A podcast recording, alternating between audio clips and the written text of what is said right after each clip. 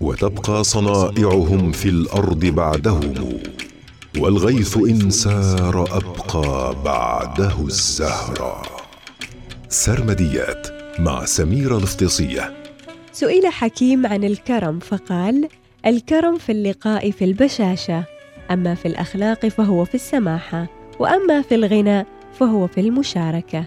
ثقافة الكرم العاطفي أيضا مستمعين ما تقل ضروره عن الكرم المادي تلقاها في طيب الرد والتقدير والشكر والاعتذار والتعبير عن الامتنان والإطراء والتبسم.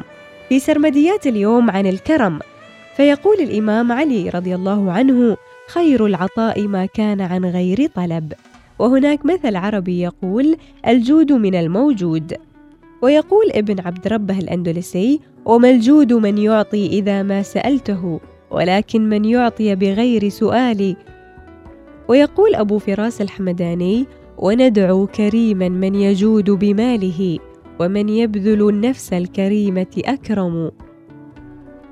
وهناك مثل إنجليزي يقول الكرم فضيلة والبخل رذيلة.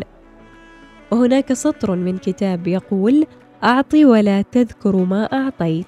سرمديات مع سميره الافتصيه يوميا في الأوقات التالية.